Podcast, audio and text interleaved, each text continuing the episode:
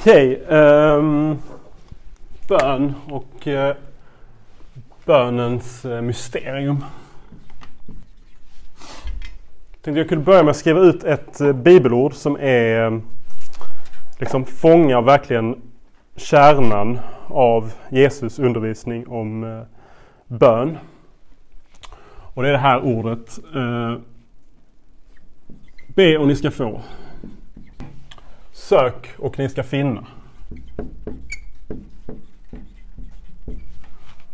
Bulta och dörren ska öppnas för er.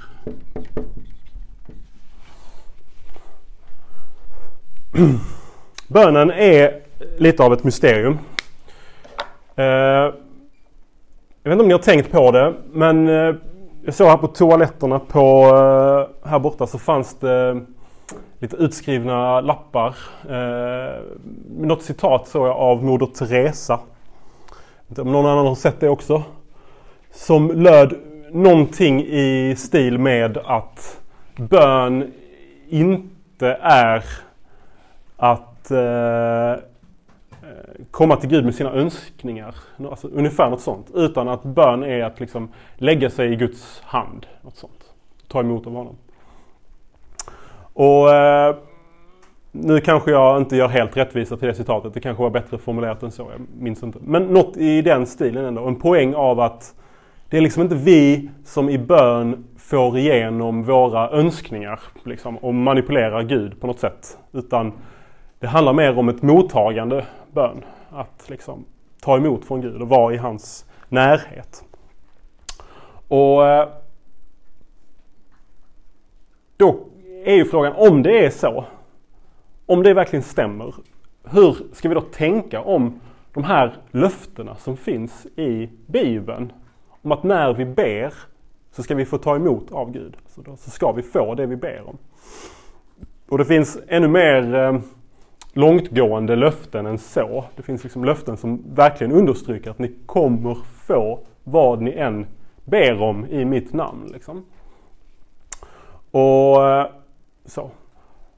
Men det kan man också säga på något sätt att om man bara har en ganska bra tankeförmåga och tänker efter så kan man komma fram till att det där verkar inte riktigt helt stämma. Om man kan börja komma på scenarion där det är liksom om ena fotbollslaget, om eh, alla göteborgare ber inför ikväll att Göteborg ska vinna liksom, över Malmö och eh, alla malmöiter ber att Malmö ska vinna över Göteborg. Liksom. Hur blir det då?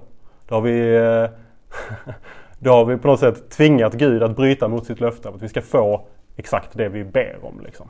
För det kan ju inte båda två sakerna hända samtidigt. Så, så det verkar finnas vissa problem med det här enkla beskrivningen av bön som att vi kommer till Gud och så får vi det vi önskar. Liksom. Det verkar inte vara fullt så enkelt.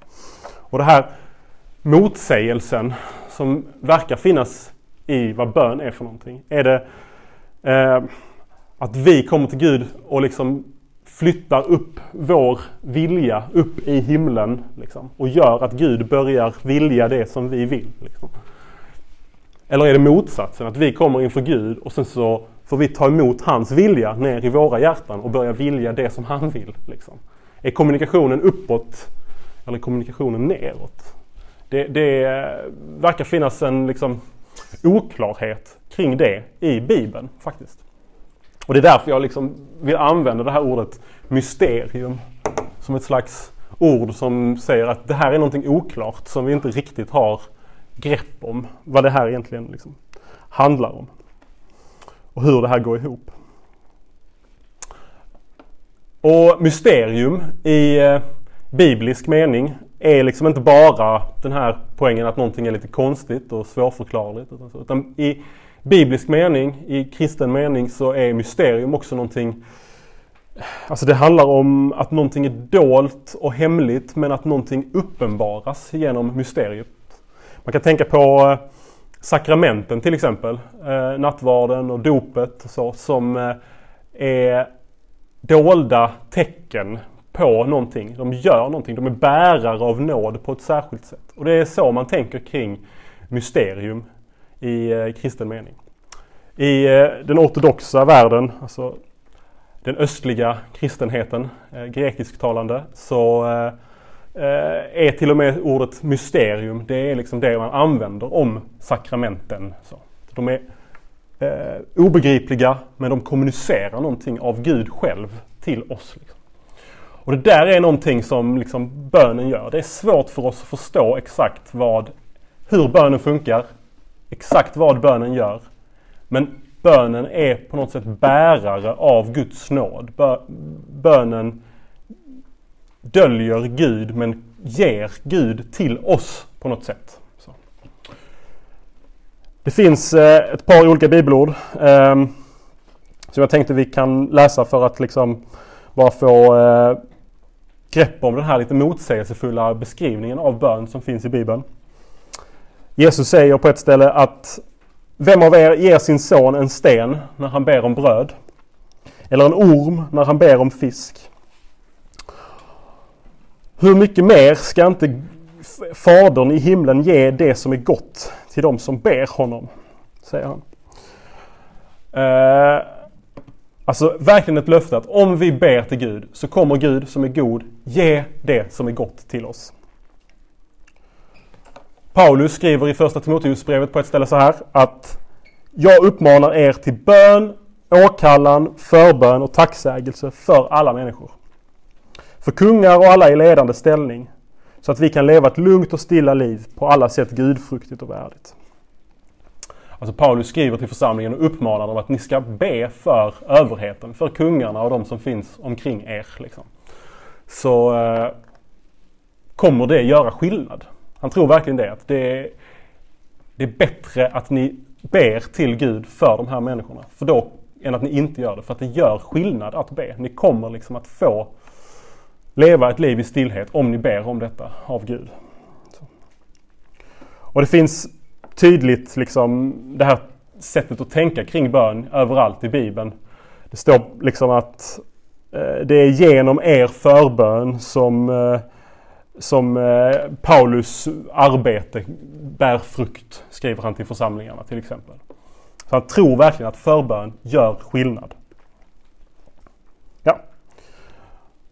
Vi kan slå upp en eh, liknelse som Jesus har i Lukas evangeliet 18 som också understryker det här väldigt starkt. Alltså bön gör skillnad helt enkelt. Lukas 18.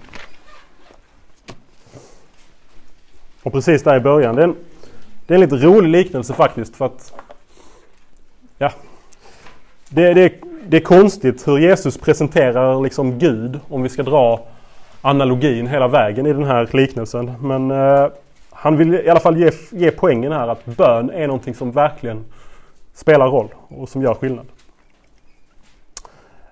Från första versen. Jesus berättade för dem en liknelse för att visa att de alltid skulle be utan att tröttna. I en stad fanns en domare som varken fruktade Gud eller hade respekt för människor.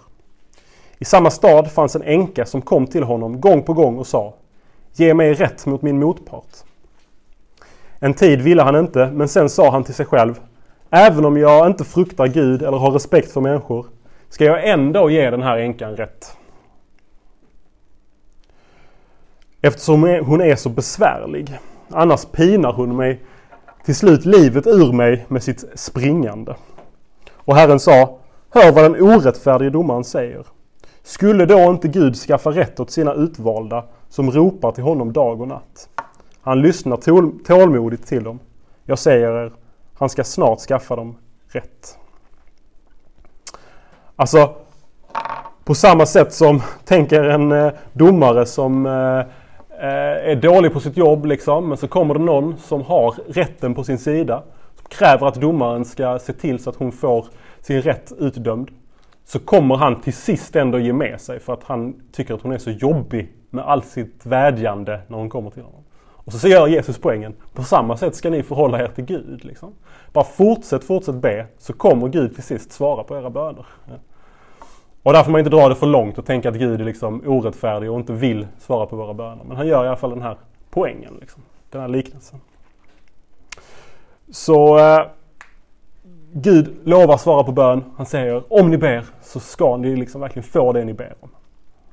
Och Det är ju någonting uppmuntrande som vi får ta till oss och som vi får eh, inspireras av. Så om vi har någonting på vår hjärta, vi vill att någonting ska hända, något, att någon av våra vänner ska få lära känna Jesus eller vad det nu kan vara. Liksom. Att verkligen sätta upp ett mål. Okej, okay, men nu kommer jag be för det här. Om och om, och om igen ska jag göra det. Outtröttligt, som Jesus säger till mig att jag ska göra. Han berättar liknelsen för att, de ska, för att de alltid ska be utan att tröttna. Nu ska jag be för detta utan att tröttna. Då har vi löfte på att då kommer det ske. Liksom. Och då får man vara naiv och enkel i sin tro där tycker jag och bara ta Gud på orden och säga okej, okay, då gör jag det. Så. Är ni med? Nu har jag verkligen understrukit den här poängen. Så, så jag hoppas ni är med. Men samtidigt då så finns det då ett motsatt perspektiv som verkar vara lika centralt och viktigt när Jesus undervisar om vad bön är för någonting och om hur bön funkar. Och då kan vi slå upp eh, Matteus evangeliet eh, sjätte kapitlet. Jesus bergspredikan. Där han pratar om bön. Lärjungarna kommer väl till honom och frågar Lär oss att be. Det är väl där tror jag.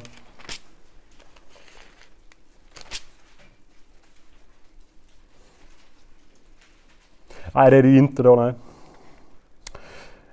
Eh, kapitel 6, vers 7. Eller vers 5 kan vi läsa från. När ni ber ska ni inte vara som hycklarna som älskar att stå och be i synagogorna och i gathörnen för att synas inför människor. Jag säger er sanningen. De har fått ut sin lön. Nej, när du ber, gå in i din kammare och stäng din dörr och be till din far som är i det fördolda. Då ska din far som ser i det fördolda belöna dig.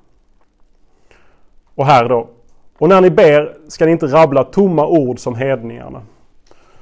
De tänker att de ska bli bönhörda för sina många ords skull. Var inte som dem. För er far vet vad ni behöver innan ni ber honom om det.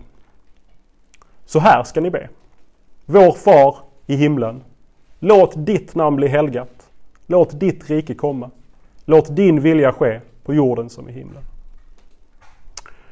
Och så vidare.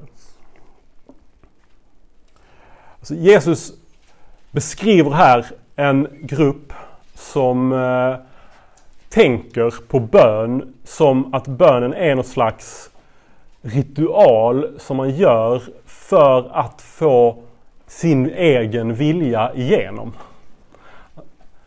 De eh, kommer till Gud och sen så rabblar de många långa ord, många komplicerade ord och tänker kanske att ju mer svåra ord de använder sig av desto större chans är det att de kan få sin vilja igenom. Liksom.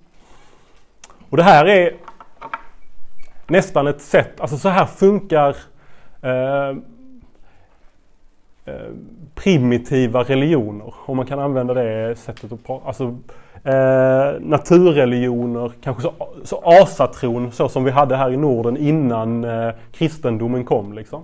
Den här tanken om att vi kan manipulera gudarna. Bara vi gör liksom rätt, bara vi använder rätt ritualer och former så kan vi se till så att saker liksom blir så som vi vill ha dem. Så att skörden slår rätt. Så att våra barn liksom, eh, blir friska och starka och så vidare. Alltså den, den, typen av tänkande. att Gudarna, eller Gud då, kan manipuleras med mänsklig kraft. Liksom. Och det här vänder sig Jesus starkt emot. Så, så här ska ni absolut inte tänka. Utan istället ska ni be. Eh, låt ditt namn bli helgat. Låt ditt rike komma. Låt din vilja ske. Så att säga. Alltså i bönen så kommer vi, och då är det inte vår vilja som är i centrum. Det är inte så att vi ska liksom förvandla Gud och få honom att börja vilja de saker som vi vill. Liksom. Eh, utan tvärtom är det, när vi kommer i bön så ska vi be att Guds vilja ska ske. Alltså det är ju helt, det är verkligen att vända upp och ner på det här perspektivet. Eller hur? Och då blir frågan bara, hur får man ihop det här? De här motstridiga nästan bilderna av bön som finns i Bibeln. Bön gör skillnad. Man ska be för kungar och så vidare för då kommer vi få ett bra liv um, i frid. Samtidigt ska vi komma till Gud och bara säga låt din vilja ske. Och det är det här som är liksom bönens mysterium. Och det här tror jag inte man kan bli klok på helt och hållet. Liksom. Det här kommer inte bli uppenbarat och vi kommer inte förstå exakt hur bönen funkar någonsin i vår livstid. Liksom. Men eh, någonting ändå ska jag försöka säga om det här. Så, är, är tanken i alla fall. Okej. Okay. Eh,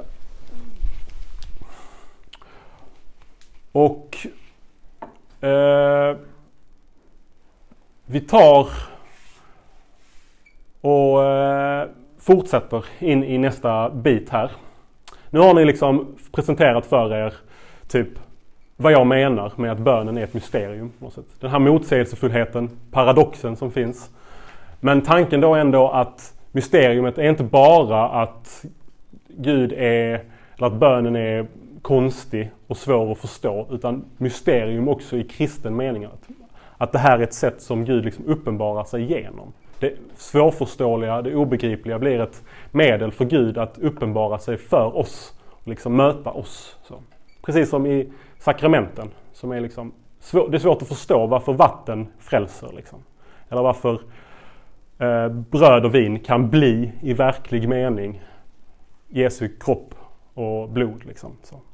Men i det där för, svårförståeliga så finns det någonting om att Gud kommunicerar sig själv, ger sig själv till oss.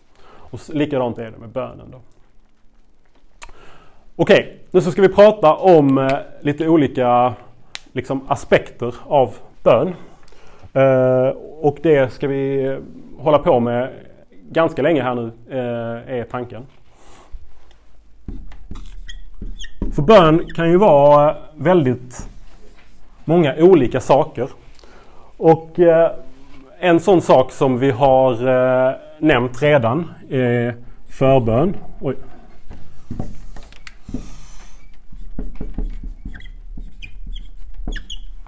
Vi kommer med våra önskningar. Vi kommer med det vi vill och lämnar det till Gud och ber att det som vi önskar av honom ska, ska få ske. Så. Eh, det har vi pratat lite om här nu. En annan form av bön som eh, eh, vi har praktiserat och som vi gör här på lägret. Till exempel på kvällarna när vi eh, eh sjunger lovsång och så. Eh, är tillbedjan. Det pratade vi också om lite grann igår om hur änglarna och de 24 äldste står inför Gud och Lammet och tillber och prisar Gud. Liksom. Det där är också en väldigt central och viktig del av, av eh, vad bön är för någonting. Tillbedjan.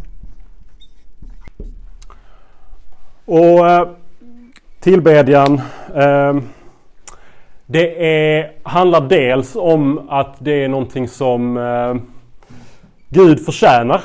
Inte någonting som han behöver, för Gud är helt tillräcklig i sig själv. Det är inte så att Gud har några behov i egentlig mening. Så det är inte så att han liksom måste ha vår tillbedjan för sin egen skull. Men han eh, förtjänar tillbedjan.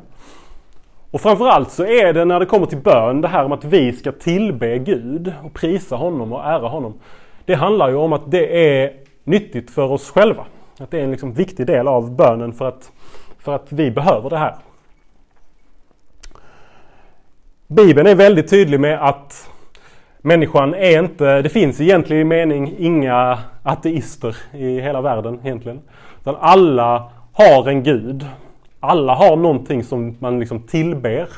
Som man eh, håller som sitt, liksom, sin gud i sitt liv och i sitt hjärta. Eh, Luther skriver det när han ska förklara det första budet i, eh, i eh, de tio budorden. Eh, så skriver han Din Gud är den eh, eller det som du förväntar dig allt gott av. Och det som du tar din tillflykt till när du är i nöd. Och Bibeln beskriver ju då att människans grundproblem här i världen, allt från syndafallet, är att vi har bytt ut skaparen och börjar istället tillbe det skapade. Det är liksom människans problem. Vi väntar oss allt gott av eh, skapade ting. Vi sätter vår tilltro till ja, eh, pengar och eh, ägodelar och så vidare. Och att då i sin bön, i sin bönepraktik ha tillbedjan som en del. Det är på ett sätt liksom att eh, komma tillbaks till att vara människa på ett rätt sätt. Att tillbe Gud istället för att hålla på att tillbe massa felaktiga saker. Eh, tillbe det skapade. Augustinus, en kyrkofader som ni såklart känner väl till allesammans, eh, har ett citat. 99 gånger av 100 som någon citerar Augustinus så är det ett specifikt citat som brukar nämnas. Eh, bara för att testa nu er igen då. Är det någon som kan bara på rak arm citera det som jag står här och tänker på? Bara så. Det hänger på, eller sitter på, på väggen i, på Café Ängel i eh, Ängelholm. För er som brukar hänga där. Eh, så. Till exempel om man jobbar där och så, så skulle man kanske kunna tänka sig att man vet det. Nej. Nej. Nej, men eh, det är Augustinus som skriver så här att du och Gud har skapat oss till dig och vårt hjärta är oroligt till dess att det finner vila i dig. Och det där fångar verkligen någonting otroligt centralt. Otroligt viktigt när det kommer till eh, Bibelns liksom, beskrivning av människan och människans problem. Så. Alltså, våra hjärtan är oroliga till dess de finner vila i dig. Liksom. Och det handlar ju om att istället då för att hålla på och söka mening och söka, ja, söka allt gott av det skapade. Där man bara liksom möter besvikelser och det som inte kan leverera. Liksom. Så kommer vi istället till Gud och ärar honom, tillber honom. Och där finner våra hjärtan då vila. Liksom, när vi gör det istället. Ja.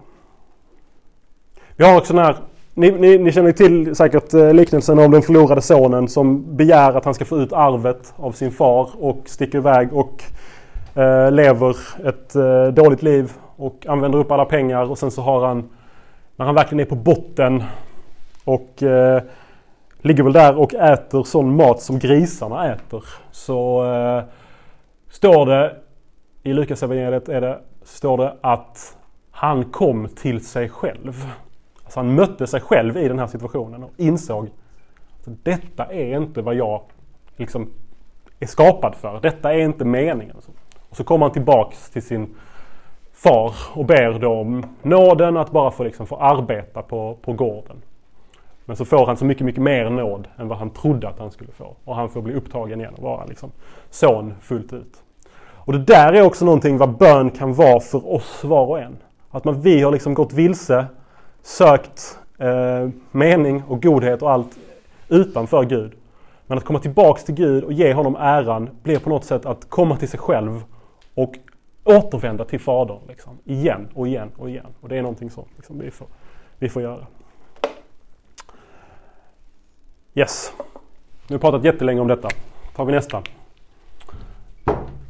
Nej, denna tar vi, vi tar en till och sen så tar vi en paus. Eh, lovsång får vi nämna. Då kan vi dra en pil från tillbedjan som så. Så blir det en riktig mindmap. Lovsång. Då. Som är ju då ett sätt att eh, lova Gud och tillbe honom. Eh, man kan fråga sig vad är liksom poängen med att sjunga 20 sånger och tillbe Gud liksom, en, eh, en kväll eller så. Eller i en gudstjänst. Ja men det är för vår skull, för att vi behöver detta liksom. Som, som vi gör detta, inte sett. Och för att Gud förtjänar det förstås. Liksom. Men, men, men ändå, detta är liksom nyttigt för oss att göra. Lova Gud.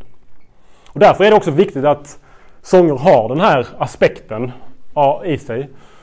Det finns ju, känner ni säkert till, olika olika generationer har lite olika stil på musiken i gudstjänstsammanhang och sånt. Det finns eh, äldre salmer och väckelsesånger och så är ofta väldigt eh, undervisande.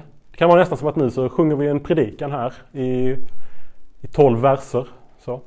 Eh, och det har sin plats och det är superviktigt och bra. Men den här bara poängen att, att komma till Gud och lova honom. Det är liksom någonting som inte får vi får vara utan. Så att säga. Det är någonting väldigt viktigt och centralt. Ja. Men sen så behövs det nog också variation får man väl säga. En parentes i, eh, i eh, uh, gudstjänstsammanhang och så. Man kan inte bara sjunga så, tio ord om och om igen i eh, tio minuter. Liksom. Så, utan man får även då ha lite andra typer av texter och sånger. Så. Jag tror en variation är rätt så viktigt. Men lovsång då, att lova Gud, är, är, är någonting otroligt viktigt för oss. Eh, av den anledning som vi då nämnde här inne. Alright. Vi fortsätter med denna eh, mindmap om 10 minuter, alltså kvart över. Är det någon annan som har någon fråga så här långt? Ska vi ta det också? Nej. Eh, tacksägelse och eh, klagan är ju en väldigt liksom, central del av vad bön är och kan vara. Kommer ju ofta i bön och eh, tackar Gud för olika saker. Eh, så. Och inte minst i Saltaren som är den stora böneboken i Bibeln så eh, har vi många exempel på klagosalmer och så, alltså klagoböner helt enkelt. Eh, där man klagar på Gud. Varför låter du detta ske? Varför gör du så här? Och så vidare. Och eh, Man kanske kan tycka att det är lite konstigt att jag sätter de här två liksom i samma. Är det inte det här liksom motsatser till varandra egentligen? Men jag tänker att det är faktiskt inte det. Utan de här är liksom två sidor av samma mynt. Egentligen. Att vi tänker att Gud är i kontroll och att Gud eh, står bakom det som sker. Vilket öppnar upp en diskussion som är liksom alldeles för stor för att reda ut här nu hur Gud förhåller sig till det onda och lidandet och så vidare. Men på något sätt ändå att det är av Gud som vi tar emot varje dag. Liksom, på något sätt. Och eh, vi litar på att han är i kontroll. Så därför tackar vi när det, när det händer goda saker för, för oss. Och vi liksom tackar i vårt hjärta. Och vi klagar när det händer saker som vi liksom inte förstår utifrån vår horisont och som är svårt för oss. Uh, men det är på något sätt båda två egentligen ett bekräftande på att det är Gud som är i kontroll. Och också att tillvaron i grunden är god. Liksom. Det Sorg till exempel är liksom inte en eh, raka motsatsen till tacksamhet till exempel och glädje. Utan, eller det är det kanske på ett sätt, men de hänger ihop. Alltså det är för att vi tror på världen som god och som att Gud är god och att han ger allting gott till oss. Som vi också kan sörja när vi förlorar saker. Det hade vi inte haft en tro så hade vi kanske mer då liksom tänkt i termer av eh, förtvivlan eller hopplöshet och så vidare när, när, vi, när det händer eh, svåra och tunga saker i vårt liv. Men det är liksom inte kristna sätt att förhålla sig till lidande, förtvivlan, hopplöshet. Så.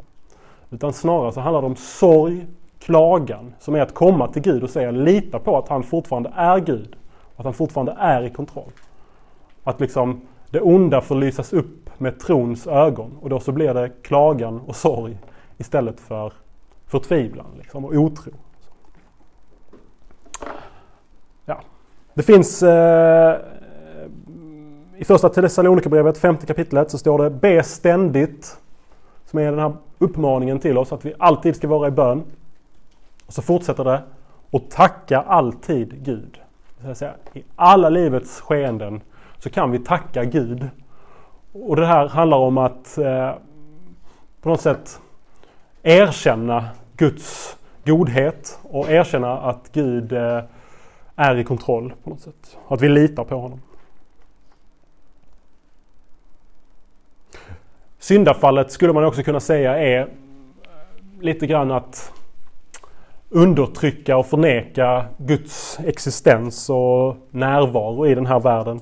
Men om vi då liksom övar oss i att ständigt tacka för varje sak som vi har varit med om. Gå igenom på kvällen. Jag tackar för den här saken, den här saken, den här saken. Och så.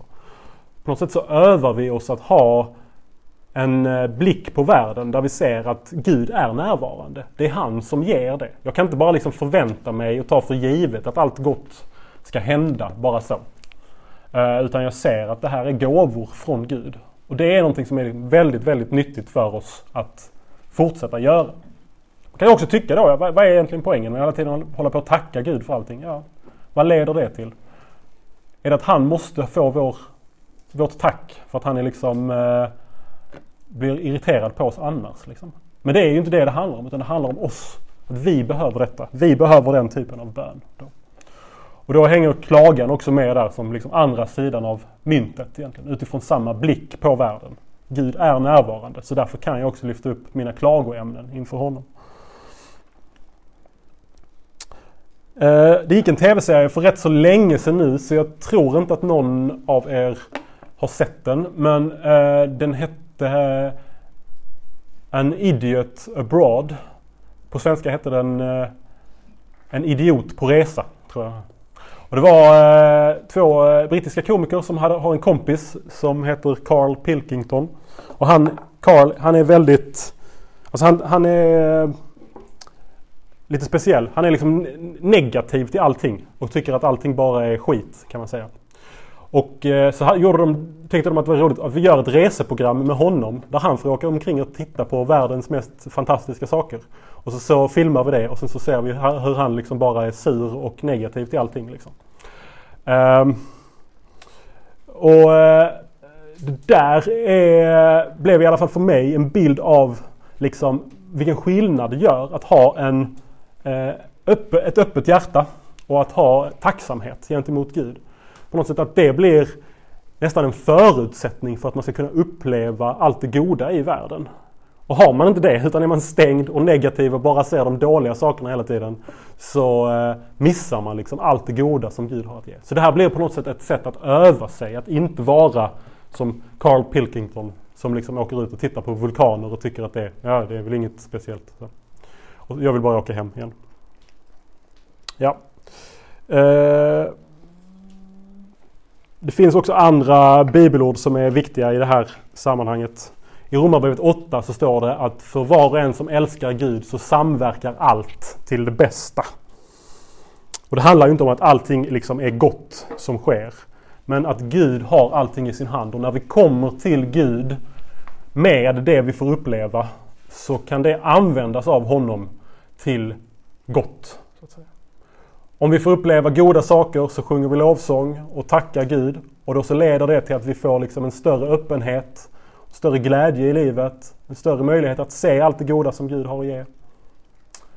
Och om vi får uppleva lidande och kamp så, vidare, så kommer vi till Gud med det och klagar och lyfter upp det inför honom. Och då använder sig Gud av det i våra hjärtan för att vi ska få växa och bli starkare, mer uthålliga i prövningarna, ödmjuka och så vidare. Och så vidare. Så.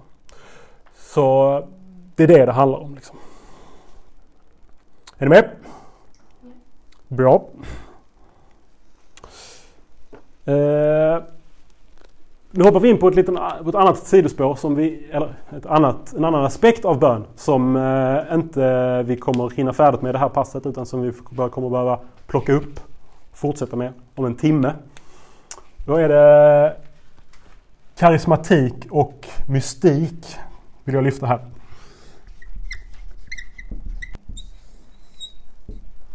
Och det här är två ord som eh, handlar om den helige Andes verkan i våra hjärtan.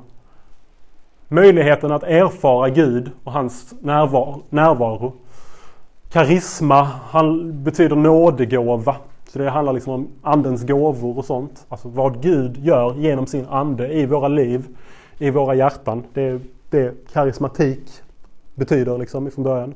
Och mystik är då kopplat till det här. Det har vi ju nämnt tidigare också. Ordet mysterium som är väldigt viktigt i kristen förståelse. Som liksom handlar om att Gud vill uppenbara någonting som ligger dolt för oss. Liksom. I, I våra hjärtan så vill han egentligen då ytterst sett uppenbara sig själv för oss. Och det handlar, gör han också genom sin ande. Och jag tror att, jag vet inte hur, eh, alltså när man pratar om eh, de här sakerna, om eh, kristna sammanhang och så, som är väldigt karismatiska, där man betonar mycket andens gåvor och andens verkan i oss och så. Så eh, finns det ett sätt där man liksom alltid kan pröva om det här är någonting gott och som verkligen är Guds ande. Eller om det bara är eh, spel på människors känslor och sådana saker som det ibland kan vara. Alltså är det här äkta? Är det här Gud som gör detta på riktigt? Eller är det bara inbildning? Och då handlar det om eh, att kärnan i eh, karismatik och mystik så är alltid att det föds en större törst efter Gud själv. Guds törst står där. Alltså om karismatiken, talet om Guds andes verkan och så vidare bara blir till eh, någon slags fokus i sig själv på att saker, häftiga saker händer och på eh, erfarenheter och starka känslor och så. Eh, men man inte ser att detta får som liksom eh, konsekvens att människor får en allt större hunger och törst efter Gud själv. Längtan efter liksom att komma nära honom. Då är det inte från Gud. Och om det föder en sån gudstörst, så liksom ett begär nästan, efter Gud själv. Då kan vi veta att då är det Guds ande som är där och verkar. Liksom. Uh, en text som uh, är väldigt viktig för att förstå de här sakerna är den ifrån Johannes evangeliets fjärde kapitel där Jesus möter en kvinna vid Sykars brunn och eh, börjar tala om det levande vattnet som vi förstår är helig ande. Och då så, så pratar han om att det finns, det finns en eh, källa med levande vatten som kommer liksom göra att hon aldrig mer törstar. Och, så vidare. och att den där källan växer fram i hjärtat på honom, blir som ett levande vatten som rinner fram och ger evigt liv. Det där är en beskrivning av hur Guds ande verkar i, i oss.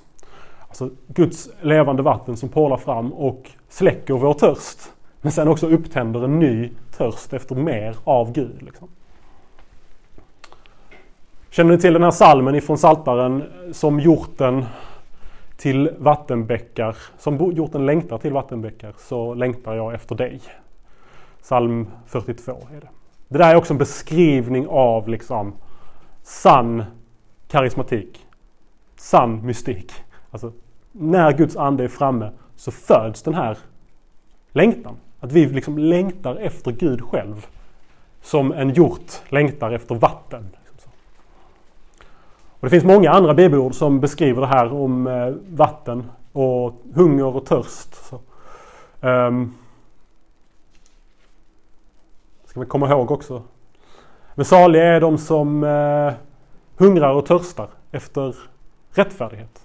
Säger Jesus i, i bergspredikan. Eller eh, i Jesaja 55 så, så, står Gud och ropar ut Kom till mig alla ni som hungrar och törstar. Jag ska ge er. Jag ska mätta er. Så. Alltså det där är liksom en beskrivning av, av oss och vad Gud vill göra med oss. Liksom. Släcka vår törst efter honom Sen så bara tända en ny sån. Och, där, och det är inte någonting man själv kan liksom sitta och verka fram på sin eh, kammare. Bara bestämma sig för att nu ska jag börja hungra och törsta efter Gud själv. Liksom. Det, det, det, det, funkar inte så. Utan det är Guds ande som kan komma och göra det i oss. Ja. Och det är också liksom då en aspekt av bönen. Att vara inför Gud, ta emot av hans ande. Och det ska vi fortsätta prata lite mer om. Eh, om en timme.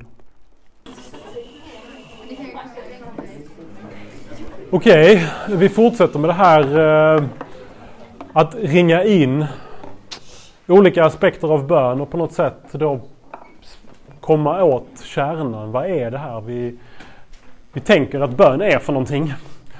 Eh, tanken är ju inte heller att det här, eh, de här olika kategorierna som vi skriver upp här nu ska vara som eh, starkt åtskilda så här, som separata delar. Utan allt det här är ju på något sätt aspekter av samma sak. Ska man säga. Det, det går ju in i varandra att eh, överlappar ju liksom tillbedjan och tacksägelse till exempel. Det, det, det ligger ju nära vartannat. Och det är liksom på något sätt tanken här att allt det här är samma sak. Men det är ändå meningsfullt att prata om det som enskilda saker. Liksom. Och så får man tillsammans då en bild av bredden som säger någonting om vad det liksom är bön för någonting i sin kärna. Eller man ska säga. Uh, vi kan fortsätta. Eh, pratade om karismatik och mystik sista vi gjorde. Andens verkan, ta emot Guds ande genom bönen. Och eh, där ska vi fortsätta säga några saker. Ett ord som jag vet inte om ni har någon särskild relation till men som kan kopplas på på den cirkeln är ju eh, eh kontemplation. Som är ju ett lite svårt ord men skriver det. Det finns i Bibeln en, eh, ett löfte eller en tanke om att de kristna som tillhör eh, Gud ska få se Guds ansikte. Ska få se Gud själv på något sätt. Um, och det är ju ett löfte som är lite märkligt för att det ligger liksom i själva gudsbegreppet nästan att Gud är bortom allt. Bortom vår föreställningsförmåga, bortom vår kunskap, bortom eh, så. Men ändå så finns de här antydningarna i alla fall om att vi ska få se Guds ansikte. Det står i Uppenbarelseboken mot slutet att Guds ansikte ska lysa för oss. Att vi ska se Gud. Ehm, så eh, det kopplar an till den här tanken om den yttersta tiden, att det här är liksom slutmålet för oss. Och läser man Paulus och vad han har att säga om det här med att se Gud så låter det nästan som att det är hans bild av himlen. Liksom. Vi sa igår ju att himlen är samma sak som Guds närvaro och för Paulus verkar det vara så. Även för Johannes. I Johannesbrevet första. Att eh, se Gud, det är liksom samma sak som himlen nästan. Um, i Matteus evangeliet, saligprisningarna, så säger Jesus Saliga är de renhjärtade. De ska se Gud. Så. Och det här syftar då framåt mot liksom det yttersta. Vad det blir när vi ser Gud ansikte mot ansikte i himlen. I det här kapitlet som ni kanske känner till som man brukar läsa på eh, eh, bröllop, eh, kärlekens lov. Eh, kärleken som är tålmodig och mild, så, som inte brusar upp. Nu består, eller hur är det?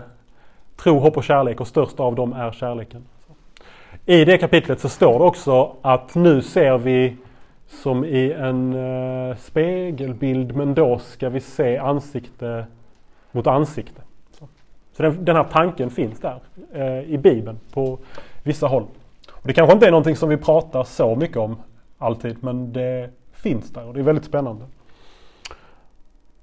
Vi kan slå upp, om vi har biblar, så kan vi slå upp eh, sjunde kapitlet i eh, Apostlagärningarna.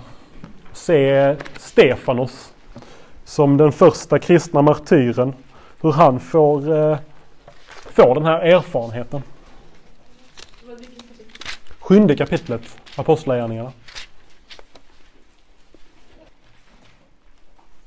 Och det som händer det är att eh, Stefanos som är diakon, medhjälpare i den tidiga församlingen. Han eh, blir konfronterad av eh, den religiösa eliten här och eh, ifrågasatt. Precis i början på kapitlet så står det där om att översteprästerna frågar, eller översteprästen frågar, är det verkligen så? Och Stefanus svarade, bröder och fäder, lyssna på mig. Och sen så börjar han ha en lång, lång predikan där han lägger ut hela gamla testamentet, hur den pekar fram mot eh, Jesus Kristus. Och om vi hoppar in i 54 versen så står det När de hörde detta blev de ursinniga och gnisslade tänder mot Stefanos. Men fylld av den helige ande lyfte han sin blick mot himlen och fick se Guds härlighet och Jesus som stod vid Guds högra sida. Och han sa Se Jag ser himlen öppen och Människosonen stå på Guds högra sida. Så det här är också någonting som i alla fall i, i eh, de människor som verkligen får bli genomlysta av Guds ande, av Guds nåd. En erfarenhet som kan ske här i tiden och inte bara liksom bortom döden i himlen. Liksom, utan här och nu. Att få skåda Gud på något sätt. Ett annat ställe som vi kan slå upp och titta på är Andra Korintierbrevets tredje kapitel. Där Paulus beskriver det här också. Fylld av den heliga ande lyfte han sin blick, står det om Stefanus. Att genom anden så sker detta. Då kopplar det an till det vi pratar om här. Liksom med karismatiken, med Guds, Guds ande som eh, verkar i oss. Andra Korintierbrevets tredje kapitel. Vi kan läsa från tolfte versen. Vi kommer mitt in i ett resonemang här men, men eh, det får vara så. När vi nu har ett sådant hopp går vi helt öppet tillväga. Vi gör inte som Mose som sätter en slöja för sitt ansikte för att Israels barn inte skulle se hur det som bleknade försvann. Och det här refererar till hur Mose var uppe på berget Sinai och mötte Gud, såg Gud. I alla fall lite grann. Och hur han kom ner och hur det strålade från hans ansikte och han satte en slöja för ansiktet. Men deras sinnen blev förhärdade. Än idag är det samma slöja än idag är samma slöja kvar när de läser det gamla förbundets skrifter. Och den lyfts inte bort. Först i Kristus försvinner den. Ja, än idag ligger en slöja över deras hjärtan när de läser Mose, det vill säga Gamla Testamentet. Men när någon omvänder sig till Herren tas slöjan bort. Herren är anden och där Herrens ande är, där är frihet. Och alla vi som med obeslöjat ansikte ser Herrens härlighet som i en spegel, vi förvandlas till en och samma bild. Från härlighet till härlighet. Det sker genom Herren anden. Det här är då en beskrivning av vad som väntar oss, alla kristna som ska stå inför Gud, se hans ansikte och förvandlas i härlighet. Från, från hans härlighet ska vi liksom förvandlas i hans likhet. Då liksom. Och det här är någonting som väntar oss. Men det är också någonting som kan ske. Någonting som är i alla fall lite, lite grann en erfarenhet som kan få hända här i tiden. Det sker genom Herren, Anden. Alltså genom Guds ande så kan vi få erfara Guds härlighet, se någonting av honom redan nu. Och det är detta som är liksom kristen förståelse av kontemplation. Att vara inför Guds ansikte och genom Guds ande möta Gud, se någonting av honom. Ja. En annan sån här eh, text som brukar vara, som är viktig när man ska prata om de här sakerna är eh, Eh, Jesus på förklaringsberget när han går upp med eh, ett par av lärjungarna och eh, förvandlas inför deras ansikte och visar sin härlighet för dem. Och det strålar av, som, som solen strålar hans ansikte, står det. Så. Det där är inte bara en beskrivning av eh, någonting som hände där en gång liksom. Utan det är på något sätt en beskrivning, någonting man har tagit fasta på i kristen tradition. Att det här är någonting som Gud vill göra för oss. Att Kristus ska förvandlas för oss, att vi ska få se någonting av honom. Så. När de såg upp såg de ingen utom Jesus, står det där också i den, i den eh, berättelsen. Liksom, som är en beskrivning också av hur det kan få vara. En sak också innan vi lämnar den. I Efesierbrevet så ber Paulus på två ställen. Första kapitlet så ber han, jag ber att era hjärtas ögon ska få ljus så att ni förstår vilket hopp han har kallat er till. Han ber att församlingens hjärtan, hjärtas ögon ska få ljus så att de förstår. Och det där är någonting som också anden vill verka i var och en av oss. Att våra hjärtas ögon ska få ljus så att vi ser någonting mer av Gud. Och i tredje kapitlet jag ber att Fadern i sin härlighetsrikedom ska ge kraft och styrka åt er inre människa genom sin ande. Att Kristus genom tron ska bo i era hjärtan och att ni ska bli rotade och grundade i kärleken. Då ska ni tillsammans med alla de heliga kunna fatta bredden och längden och höjden och djupet och lära känna Kristi fullhet. Lära känna Kristi kärlek som går långt bortom all kunskap. Så att ni blir helt uppfyllda av all Guds fullhet. Ja, det är väldigt, eh, vad ska man säga, offensiva eh, ord. Alltså väldigt eh, han har en väldigt stark tro på att det verkligen går att erfara Gud i den här tiden. Att ens hjärtans ögon verkligen kan öppnas. Att man verkligen kan se någonting av Gud. Det där är eh, någonting att ta fasta på också som, en, eh, som ett mål med, med bönen. Att lära känna Gud. Att se någonting av honom. Yes. En annan aspekt av bönen, tungotal. Som är en andes, andens gåva som finns beskriven i eh, Bibeln. Och tungotalet vill jag gärna koppla samman med stillhet och tystnad.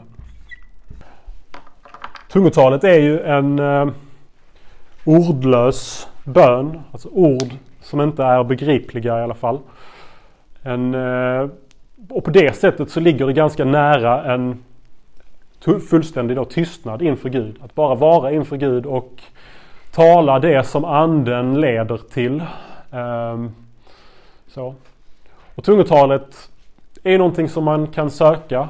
Söka eh, Guds ande. Det ska ge en tungotal. Men det är inte något slags krav för att man ska liksom kunna få ha den här nära gemenskapen med Gud. Utan stillheten i, inför Guds ansikte är också samma. Liksom, det, det är ja, granne med tungotalet. Om man ska läsa den text som egentligen är den allra mest den viktigaste texten som rör, rör de här sakerna så är det från eh, Romarbrevets åttonde kapitel. Där Paulus pratar om bönen och hur Guds ande leder i bön. Eh, och eh, kan skriva ut de verserna bara för att vi ska ha dem. Romarbrevet 8, 22-27. Och vill jag också då eh, slänga in här psalm 46 och 1 tror jag det är. Kan kolla det. Där står det i alla fall Bli stilla och besinna att Herren är Gud, står det i psalm 46. Så. Um, de här är liksom kopplade till varandra då, är min poäng. Vi läser från Romarbrevet 8.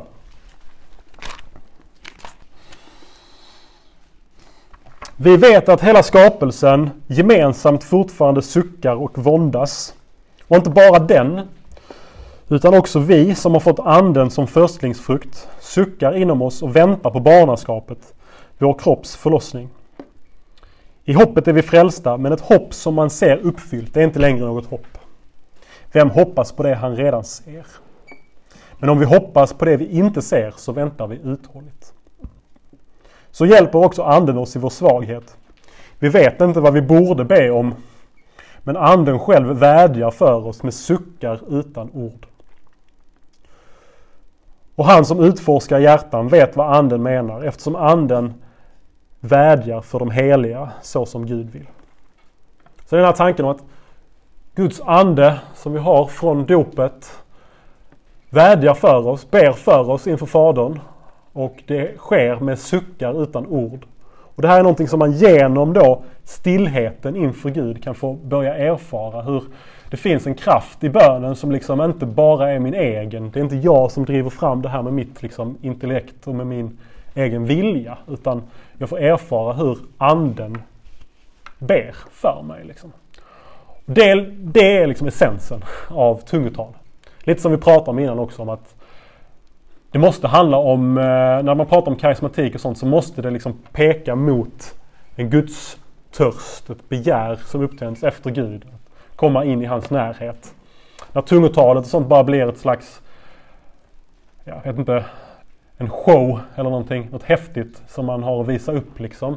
Eller så. Då är det ett missbruk Utan bruket är jag och Gud, personligt tal. Suckar utan ord som drar mig inför liksom Fadern. Det är det anden vill verka i oss. Och ja, jag kan vara så kategorisk så jag, så jag säger att tungotalet ska alltid liksom vara i stillhet. Det ligger väldigt nära tystnaden. Annars så är det ett missbruk av det.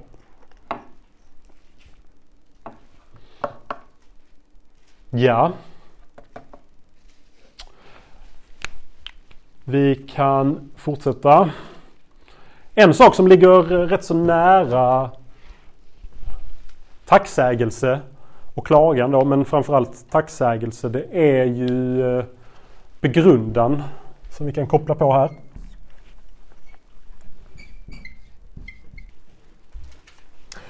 Den här gåvan som det också är från Gud att verkligen förundras över tillvaron. Och eh, att också ta emot kunskap från Gud. Eh, begrunda över vad han gör. Begrunda över frälsningen. Eh, man kan koppla ihop det med Guds ord. Har man hört någon predikan eller undervisning som eh, man tycker har varit bra så blir det liksom att vara en aktiv mottagare av det. Att det inte bara är liksom information som kommer in genom ena örat och ut genom andra. Utan att man griper tag i det man har fått med sig och verkligen gör det till någonting som landar i ens hjärta. Det är liksom begrundan. Och modellen, exemplet som vi har från Bibeln eh, på det här allra mest, allra främst, det är ju Jesu mor Maria. Som efter mötet med ängeln Tror jag det är. Och även eh, står det när hon, tror jag, när, när, när hon har sett Jesus i templet. Eh, där han sitter och berättar för de skriftlärda hur saker ligger till. När han är ung, eh, när han är ett barn. Så står det att Maria tar allt detta till sitt hjärta och begrundar det. Och det är liksom eh, också en aspekt av bönen. Att inför Gud Eh, tala om det som man tar till sig och eh, låta det landa i ens hjärta på, på djupet. Och det handlar också om den här skillnaden. Tänk på skillnaden mellan information och liksom kunskap i, i riktig mening. Eller ordet erfarenhet kanske också är värt att kasta in här. Liksom. Alltså vad är, vad är skillnaden mellan att få någonting förklarat för sig och att verkligen förstå det? Alltså det är ändå två olika saker. Och eh, man kan stå här, komma, komma till kristna ungdomsläger och så och få massa information kastad på sig från en predikstol. Liksom. Men för att få, det ska få landa i en och bli någonting som verkligen formar en, blir, blir ett, alltså blir en del av en själv nästan. Så måste det få begrundas. Man måste gripa tag i det och reflektera över det så att det landar i en. Så som Maria då gjorde. Vi fortsätter bygga på här. Nu kommer kanske den mest, eh, vad ska man säga, mest kontroversiella aspekten på bön som jag kommer nämna här för er under den här förmiddagen. Eh, kopplar vi på på kontemplation kanske. Eh, vi ta sakramental tillbedjan och eh, ikoner.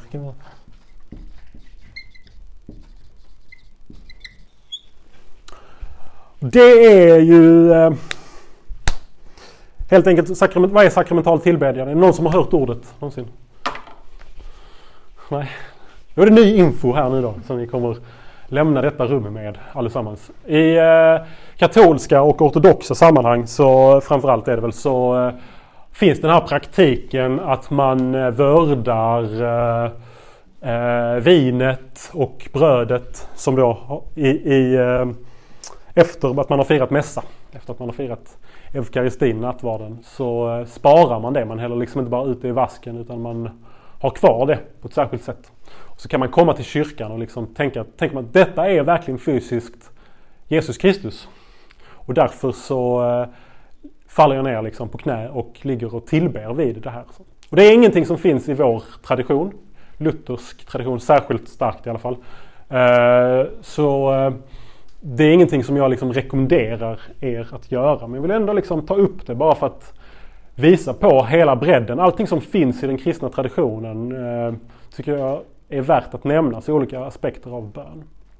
Och ikoner är ju sådana här små bilder, ofta av Jesus eller Jesu moder. Eh, eller av eh, något helgon tänk, eller någon av lärjungarna eller sådär.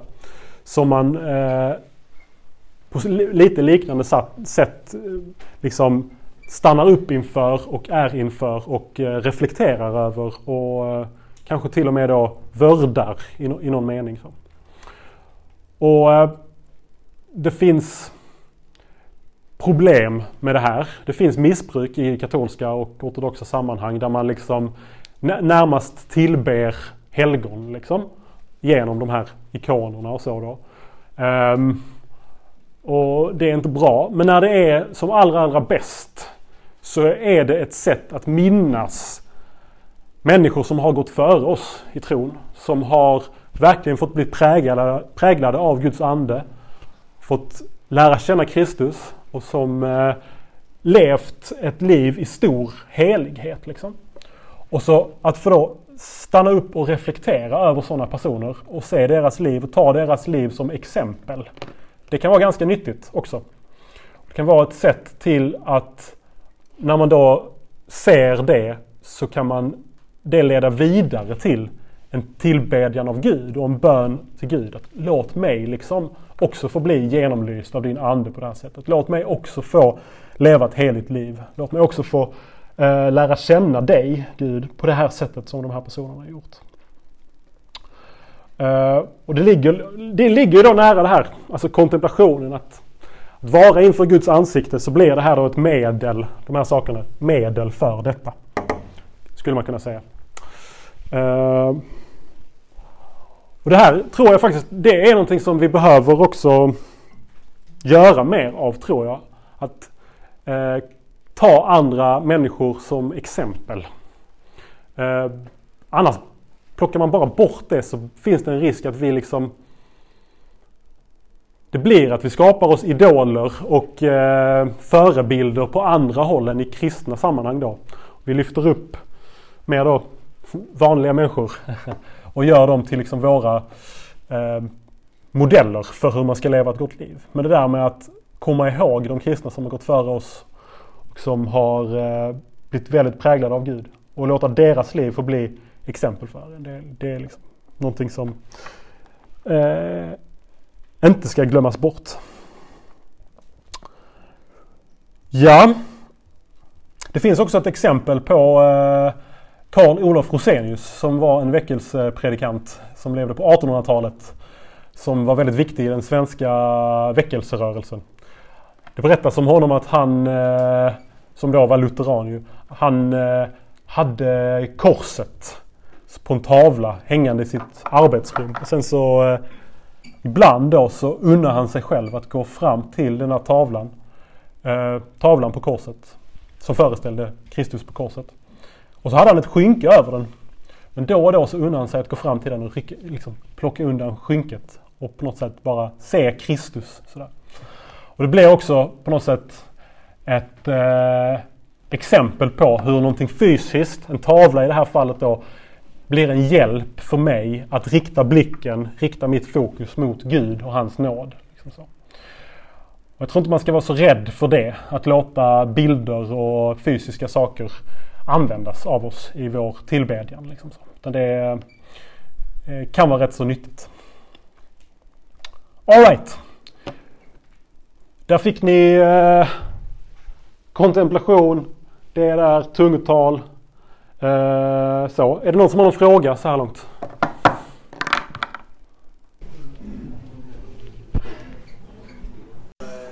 Alright, vi kör på.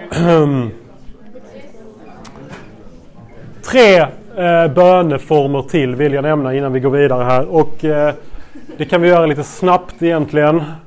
Eh, att be saltaren. Eh, Alltså psalmerna i uh, Saltaren i, i eh, Gamla Testamentet.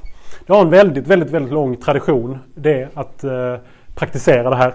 Och eh, det går tillbaks till eh, före Kristus eh, så gjorde eh, judarna det i templet och i synagogorna så. Att man liksom helt enkelt eh, reciterade saltarens ord och hade de liksom olika psalmerna eh, upplagda för olika tillfällen, olika stunder på dagen och så vidare. Och hur man eh, formade om det så att vissa delar läste en person då och sen så svarade församlingen eh, och med ett ord som återkom och så vidare. Hela den biten. Och det här finns, alltså det är en levande tradition som har överlevt från före Kristus. Inte då i exakt samma form men ändå liksom samma tradition har överlevt fram till idag. Och finns idag i det som man brukar prata om som eh, tidegärden. Eh, som är helt enkelt att man ber psalmerna på olika tillfällen. Um, det är intressant när, eh, när liksom Jesus kommer och eh, lärjungarna som är judar eh, lär känna frälsningen i Kristus och så. Så blir inte deras reflektion att nu så får vi slänga ut den gamla judiska liksom, böneboken för nu har vi lärt oss massa nytt om Gud. Utan de är helt säkra på att saltaren handlar om liksom, Jesus. Saltaren handlar om Jesus och Guds ande eh, och beskriver den kristna frälsningen helt och fullt. Så de eh, bara fortsätter med att läsa Psaltaren liksom, och ser Kristus i den. Bara ett exempel. En sån sak som man liksom kan läsa i sin egen bibelläsning men man kanske inte stannar upp och reflekterar så mycket över. Bara ett exempel. Apostlagärningarna 3 så står det så här. Petrus och Johannes var på väg upp till templet vid bönetimmen den nionde timmen. Då bar man dit en man som varit förlamad från födseln. Och så vidare och så vidare. Då fokuserar vi på den här fortsättningen om den lame mannen som blir helad. Men vad är det som sker? Jo, de är på väg upp till templet vid en viss timme, står det. Vid bönetimmen. Och det är detta. De skulle till templet och be saltaren. Så, för det gjorde man vid vissa tidpunkter under dagen. Och det finns ju då fortfarande levande detta att man gör det. Morgonbön, eh, lunch, kväll, innan man går och lägger sig för natten och så vidare. Så, och så ber man eh, saltaren. Och det här blir ett sätt då att om man bara fortsätter med detta tillräckligt mycket så sätter sig de här orden i en liksom, och blir ens egen bön. Till en början kan det kännas främmande och konstigt att liksom, varför ska jag använda mig av de här? Ska inte jag bara komma helt fritt inför Gud och säga det som är på mitt hjärta? Liksom? Men det som är intressant är att ja, men med, med tiden så blir Saltarens ord det som är på ditt hjärta. Så att säga. Om du bara fortsätter be detta så formas du så. Så det är en viktig liksom, praktik som finns. Sen har vi eh, eh, det som vi kan kalla för hjärtats bön. Hjärtats bön. Eller liksom den ständiga bönen. Den som eh, sträcker sig ut utöver de enskilda bönestunderna och blir liksom nästan som en livshållning. Att jag är ständigt bedjande inför Gud i allting jag gör. Om det liksom är att jag kör bil eller äter lunch eller vad det nu är. Liksom, så, är så, så, är jag ändå i bön på något sätt inför Gud. Um, och det där finns ju uppmaningar till i Nya Testamentet. Be ständigt, som Paulus säger, som vi läste tidigare. Be i er ande var stund, säger han på ett annat ställe. Och jag tänker att det handlar liksom om en, eh, inte då om att hela tiden komma ihåg att formulera ord och vara liksom helt splittrad. Så att man eh, har sitt vanliga vardagsliv liksom att fokusera på. Och samtidigt så ska man komma ihåg att be ord till Gud. Liksom. Eh, utan det handlar om att liksom på något sätt öppna sig för att Gud är närvarande i allt. Och det blir en liv, livshållning också. Som ligger ganska nära de här uppmaningarna som finns i Bibeln också om att vi ska vara vaksamma och att vi ska vaka och be. Liksom, så att vi ska hela tiden tänka som att Gud är närvarande i allt. Liksom. Och som en eh, fortsättning på det då så kan man säga att i klostersammanhang eh, så växte det fram en praktik någon gång efter några hundra år in i kristendomens historia som fortfarande lever som är, eh, kallas för Jesusbönen. Som jag också bara vill ha upp här på tavlan. Som är precis detta, en övning i att be ständigt. Så. Och det, handlar, det är munkar då som har eh, reciterat en eh, bön som är en litet hopklipp av massa olika bibelverser. Det man ber då är Herre Jesus Kristus, Guds son, förbarma dig över mig syndare. Herre Jesus Kristus, Guds son, förbarma dig över mig syndare. Herre Jesus Kristus, Guds son, förbarma dig över mig syndare. Det finns berättat då om hur man liksom Okej, okay, först, du ska be dig tusen gånger på en dag. Ja, okej. Okay. Det klarar jag en dag. Liksom. Sen så växlar man upp när man behärskar det. Nu ska du be dig 10 000. Så. och sen så bara mer och mer. Och till sist så när man sitter och liksom reciterar det här så blir det som någonting som bara till sist bara sitter i hjärtat på en. Man hela tiden har den här bönen med sig. Så. Ehm, och det blir då kanske någonting som, eh, ja om ni blir munkar och nunnor så, så kan ni ju göra, öva er i detta och kanske praktisera det. Men eh, det är kanske svårt att få ihop i ett vanligt eh, liv. Så. Men det är i alla fall en liksom, sak som finns i den kristna traditionen och en övning i att vara ständigt bedjande inför Gud. Liksom. En ständig kontemplation. En ständig då liksom eh, stillhet inför Gud. Så. En ständig tillbedjan. Alright.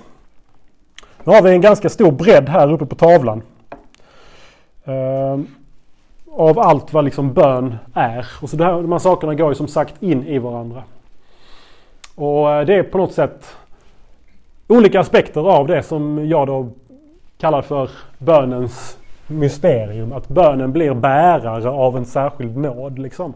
Att jag får erfara Gud och lära känna Gud och bönen får forma mig. Det är ju det som är alla de här olika sakerna handlar om på ett sätt. Om vi återvänder då till det vi började i när vi pratar om bönen som ett mysterium och löftena om bönen som ett mysterium också. Så har vi den här be och ni ska få, sök och ni ska finna, bulta och dörren ska öppnas. Och eh, där är ett väldigt tydligt löfte om att bönen verkligen gör skillnad. Be och ni ska få. Jag ska bara läsa något annat sådant exempel också. Om två eller av två av er här på jorden kommer överens om att be om något. Vad det än är så ska de få det av min fader i himlen. Säger Jesus. I Matteus evangeliets 18 kapitel. Då pratar vi alltså om förbön då. Vi ber om någonting. Vad vi än bestämmer oss för så kommer vi få det. Johannes 15. Fadern ska ge er vad ni än ber honom om i mitt namn. Markus 11. Därför säger jag er, allt vad ni ber om och begär, tro att ni har fått det så ska det bli ert. Alltså väldigt långtgående löften om att Gud verkligen ska svara på bön när vi ber om saker. Och hur ska vi då förstå detta? Som vi nämnde i början så är det någonting som eh, är svårt att förstå. Hur kan det här funka liksom? Hur kan det här gå ihop?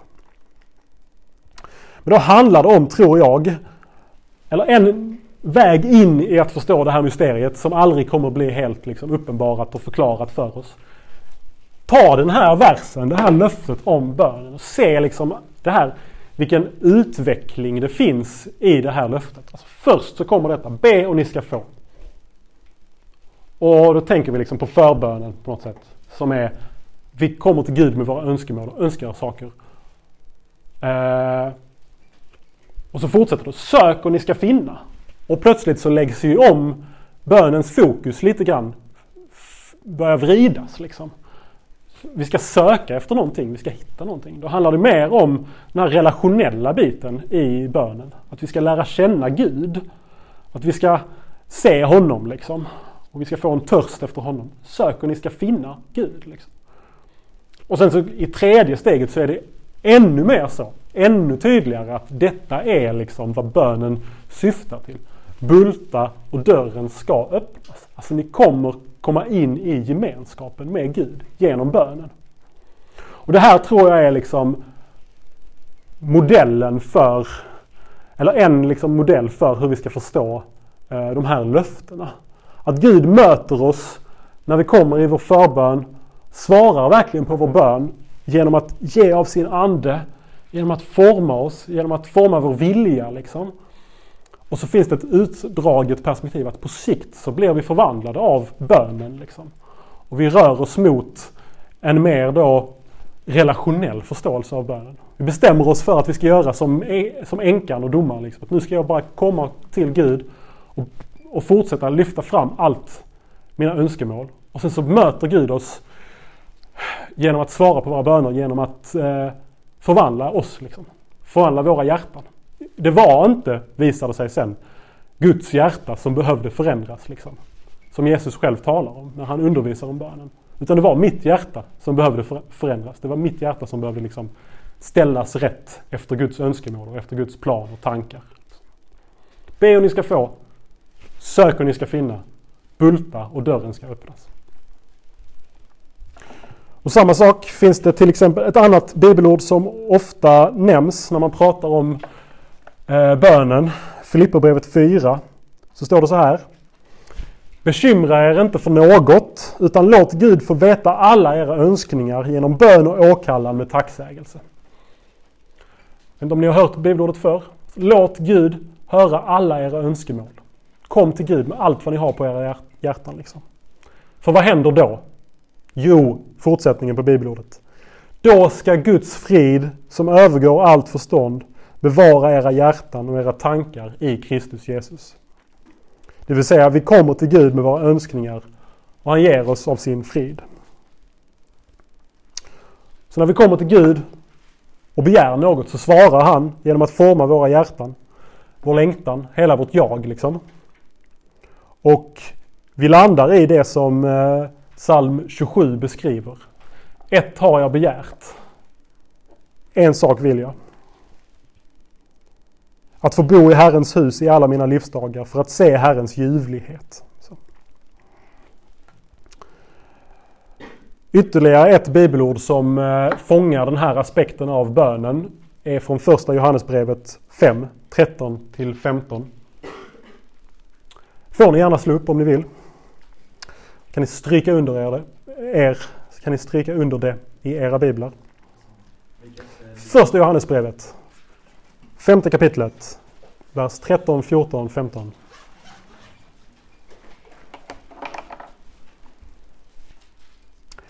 Detta skriver jag till er för att ni ska veta att ni har evigt liv, ni som tror på Guds sons namn. Och den tilliten har vi till honom, att om vi ber om något efter hans vilja så hör han oss. Och om vi vet att han hör oss vad vi än ber om, då vet vi också att vi redan har det vi bett honom om. Lite krångligt. Den tilliten har vi till honom att om vi ber om något efter hans vilja så hör han oss.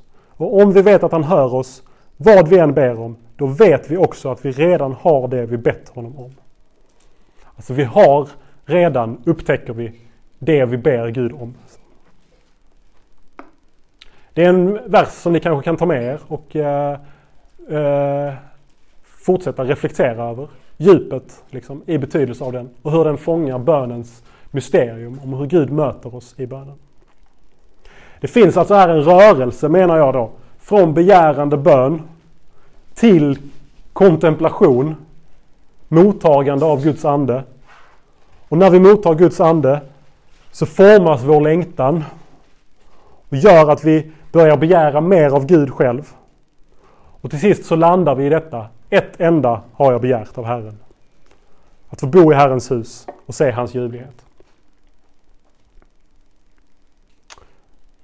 En annan modell för det här är också Marta som sitter vid Jesu fötter. Och eh, Jesus säger om henne att hon har valt det goda och det ska inte tas ifrån henne. Bara ett är nödvändigt.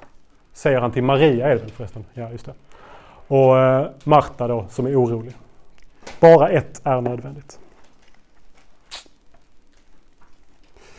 Och jag, jag var ombedd att prata om Jesus som eh, förebild i bön. Och eh, det kan vi göra då de sista tio minuterna här. Att det är också en eh, väldigt tydlig del av Jesu identitet och hur han liksom förhåller sig till Fadern i bön. Hur bönen för honom är att hela tiden formas av Gud, när han kommer till Gud i bön. Det står på många ställen att Jesus eh, eh, går undan och ber. Tidigt på morgonen medan det ännu var mörkt steg Jesus upp och gick ut till en enslig plats och bad där. Står det i Markus första kapitel. Lukas 5. Stora skaror samlades för att lyssna till Jesus och blev botade från sina sjukdomar.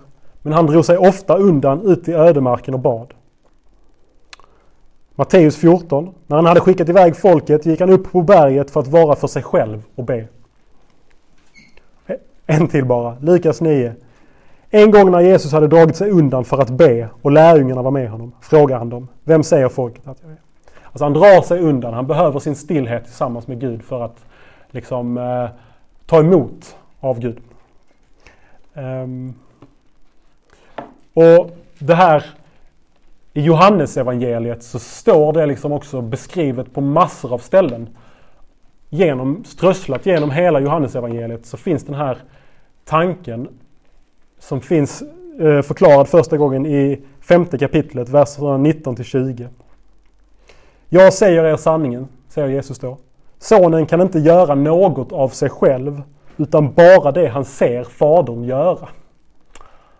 Det är liksom en beskrivning av bönen också. Jesus går inte i sin egen kraft.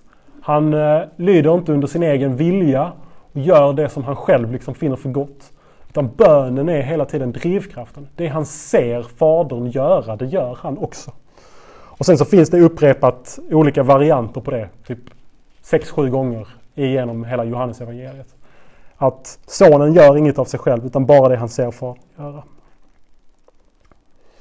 Så tanken är på något sätt att genom bönen så blir Jesus stämd efter Faderns vilja. Och Det är också en bild av vad bönen kan vara för oss. Vi blir som en gitarrsträng liksom ostämda med tiden.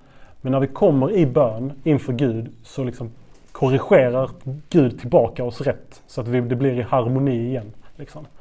Så att vi blir rättstämda. Vi får ta emot hans vilja liksom, och drivas av hans vilja. Och som sista sak vi ska slå upp då så vill jag liksom peka på superexemplet ur Jesu liv på det, detta. Och det har vi i Jesus i Getsemane, i trädgården inför hans korsfästelse. Så har vi en inblick i hur Jesus talar med sin fader och vad bön är för honom där. Och det är Markus 14, verserna 32 till 35. Så blir det sista vi läser här nu tillsammans. Så slå upp det också. Markus 14, 32 till 35.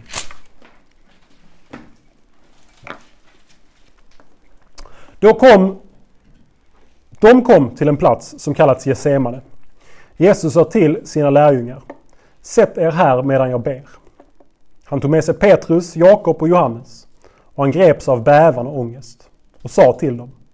Min själ är djupt bedrövad, ända till döds. Stanna här och vaka. Så Jesus han ska dö på korset och han är djupt bedrövad. Och då så eh, vakar och ber han inför sin fader.